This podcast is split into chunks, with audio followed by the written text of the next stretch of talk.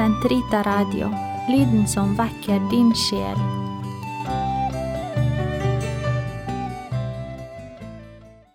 Den katolske kirkes katekisme, uke 36, søndag 28, 28 til 28, 37. Gi oss i dag vårt daglige brød. Gi oss. Dette er den vakre tillit barna har, de som venter alt fra sin far. Han som lar sin sto, sol stå opp over ond og god, og lar det regne både over rettferdige og synder. Matteus 5, 45. Og gir alt som lever, føde i rette tid. Salme 104, 27. Jesus lærer oss å be denne bønnen fordi den er en herliggjøring av vår Far, fordi den er en anerkjennelse av hvor god Han er, hinsides alt som er godt. Gi oss uttrykker også paktsforholdet. Vi er hans, og han er vår og for oss.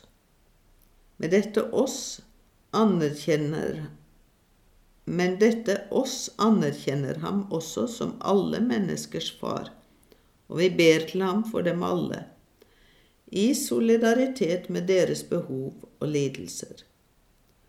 Vårt brød.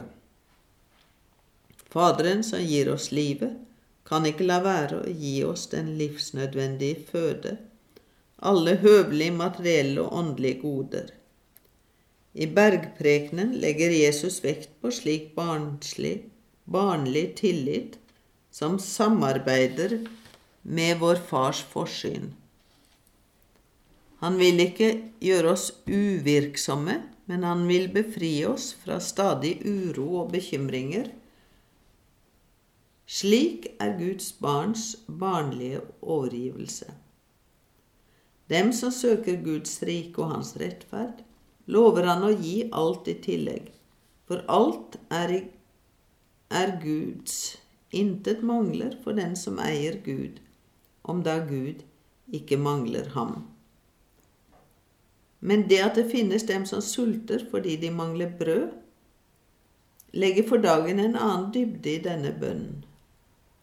Den tragedie som hungersnød i verden utgjør, er et kall til alle kristne som ber i sannhet, om å vise ansvarsfølelse virksom i handling overfor sine brødre, både i personlig livsførsel og i solidaritet med hele menneskenes familie.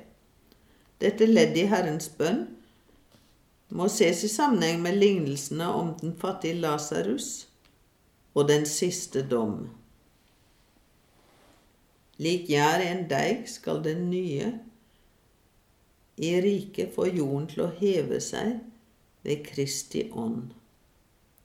Det skal synliggjøres ved at det innføres rettferdige forhold mellom personer og innenfor samfunnet, i økonomien og i internasjonale forhold, uten dermed å glemme at det ikke kan finnes rettferdige strukturer uten mennesker som ønsker å være rettferdige. Det dreier seg om vårt brød, ett for mange. Saligprisningenes fattigdom er den dyd som består i å dele med andre. Den kaller til å gi videre og dele materielle og åndelige goder. Ikke av tvang, men av kjærlighet, slik at de som har rikelig, kan komme andres nød i møte. Be og arbeid. Be som om alt var avhengig av Gud, og arbeid som om alt var avhengig av dere. Etter at vi har utført vårt arbeid, er allikevel maten en gave fra vår Far. Det er godt å be Ham om den under takksigelse.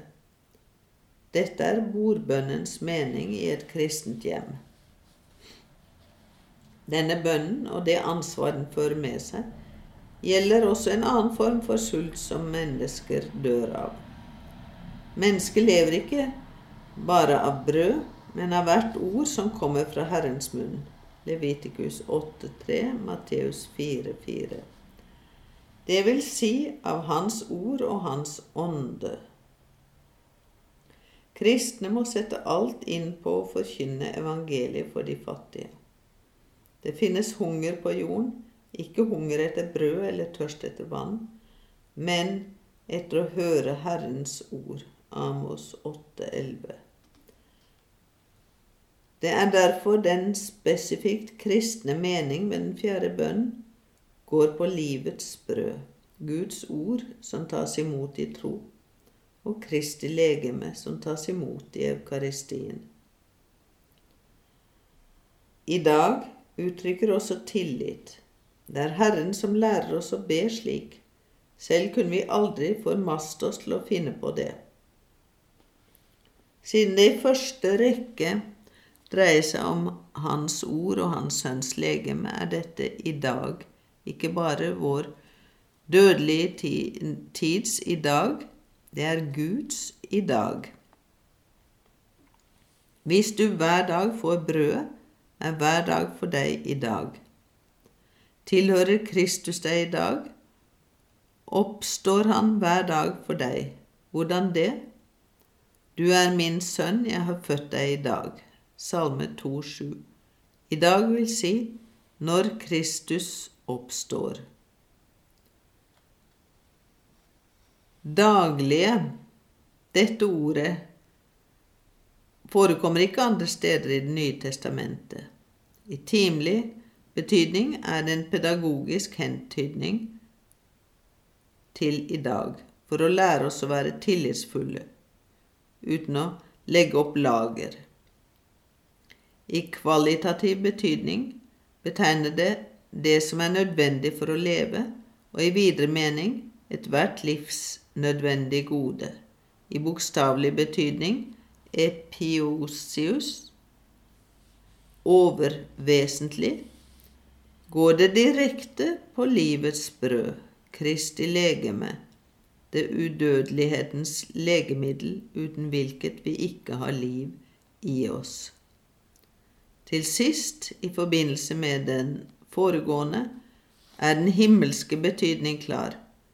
Dagen er Herrens dag, dagen for gjestebudet i riket, som foregripes i Eukaristien, som allerede nå er en forsmak på riket som kommer.